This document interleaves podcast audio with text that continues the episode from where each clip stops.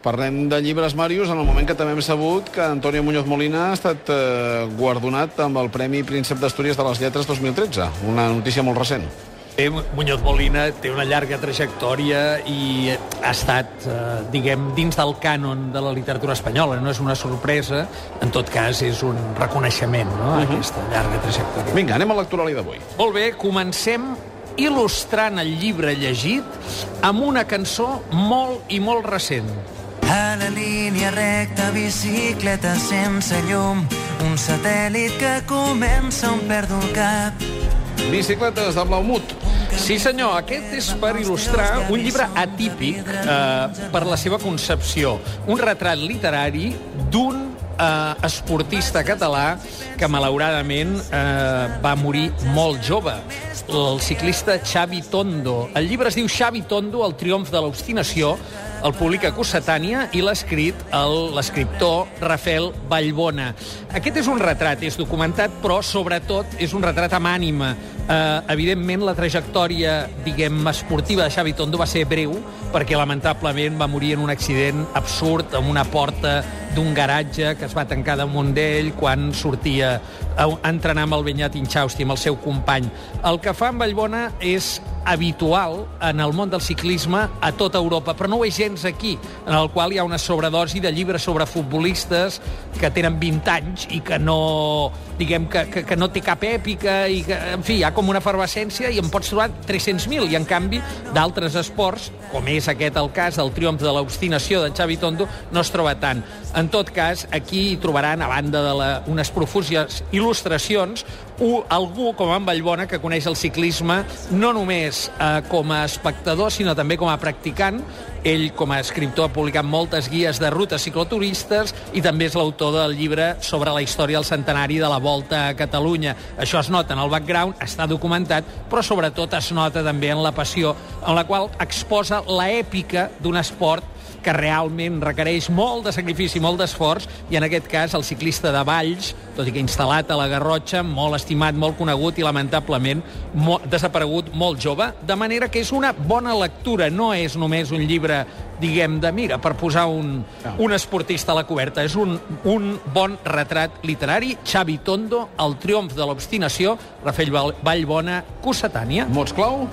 Obstinació, perquè va ser la perseverança d'en Xavi Tondo, juntament amb el Purito Rodríguez, va recuperar el ciclisme català, ciclisme, perquè és l'esport, però també aquest punt que dèiem d'èpica i de retrat literari.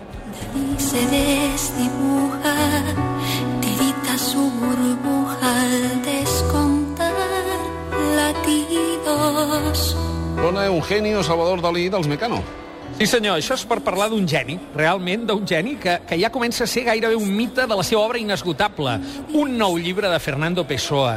Un nou llibre quan fa més de 100 anys del seu naixement i continuen pouant dins d'un bagul eh, textos, no? En aquest cas, escrito sobre genio i locura, eh, que això està amb una introducció i traducció del portuguès i anglès, perquè hi ha textos que eren anglès al castellà, de Jerónimo Pizarro. Això ho publica El Acantilado.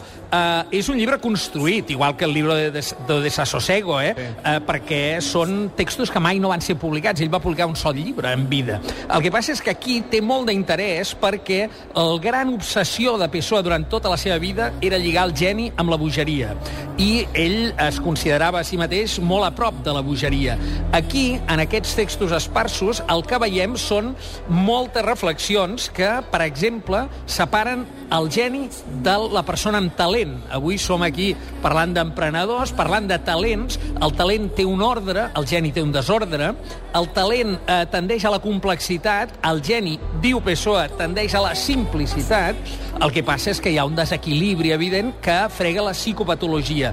Eh, I jo m'he trobat coses francament interessants. I has posat quatre L's. Uh, sí, no, no, és un llibre, a veure, Pessoa és un autor de molt de pes, i aquí, mm, a, a, més enllà de que hi ha textos reiterats, perquè el tema és sempre sobre la creativitat, el geni, però, per exemple, hi ha una absència psicopatològica d'humor en determinats eh, personatges que ell analitza, com Edgar Allan Poe, com Jesucrist, eh, gent que, diu ell, eh, o, o fa eh, una mica la hipòtesi que no riu mai i, en canvi, frega la genialitat, mentre que altre tipus de genialitat és molt més carnal. Eh?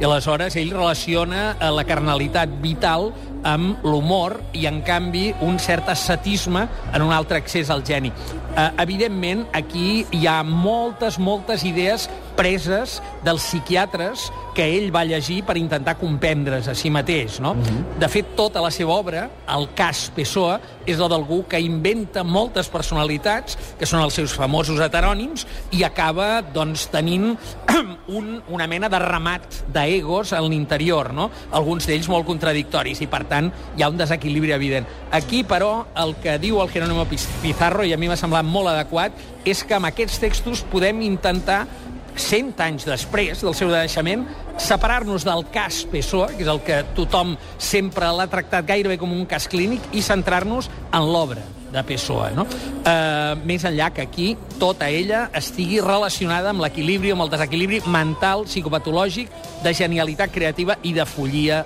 vital, eh, textos molt interessants, carregats de... Jo el tinc subratlladíssim. És un recull d'articles, doncs? És un recull de textos, en algun dels casos d'un sol paràgraf, Bé. però d'un sol paràgraf, el sadismo y los asesinos por pasión. Véase el caso del profesor de una escuela citado por Nordau, notes que ell prenia, en algun altre cas, assaig ja elaborat de 5-6 pàgines, no?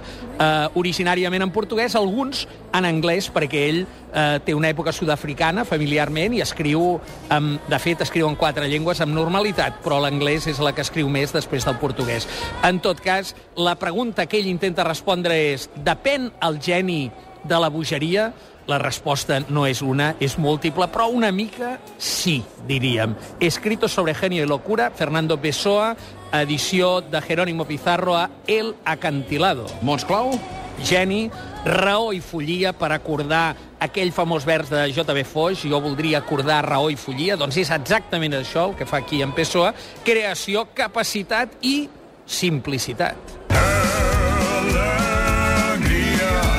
El fullejar porta música dels Antònia Font, cantada pel Tomeu Penya. Sí, senyor, una cosa ja que parlàvem de simplicitat, doncs la simplicitat de la cultura popular, de la cosa directa d'aquest en veu d'en Tomeu Penya, la complexitat dels Antònia Font pren un altre caire, i això és per celebrar la plec de rondalles mallorquines d'en Jordi Desracó, d'Antoni Maria Alcover, que arriba al sisè volum i que només te'l deixaré caure damunt de la taula perquè vegis que... Com sona? Té molt de pes, és un pes important. És l'edició ja a cura d'en Josep Grimalt, amb la col·laboració d'en Jaume Guiscafré, del qual ens hem fet ressò.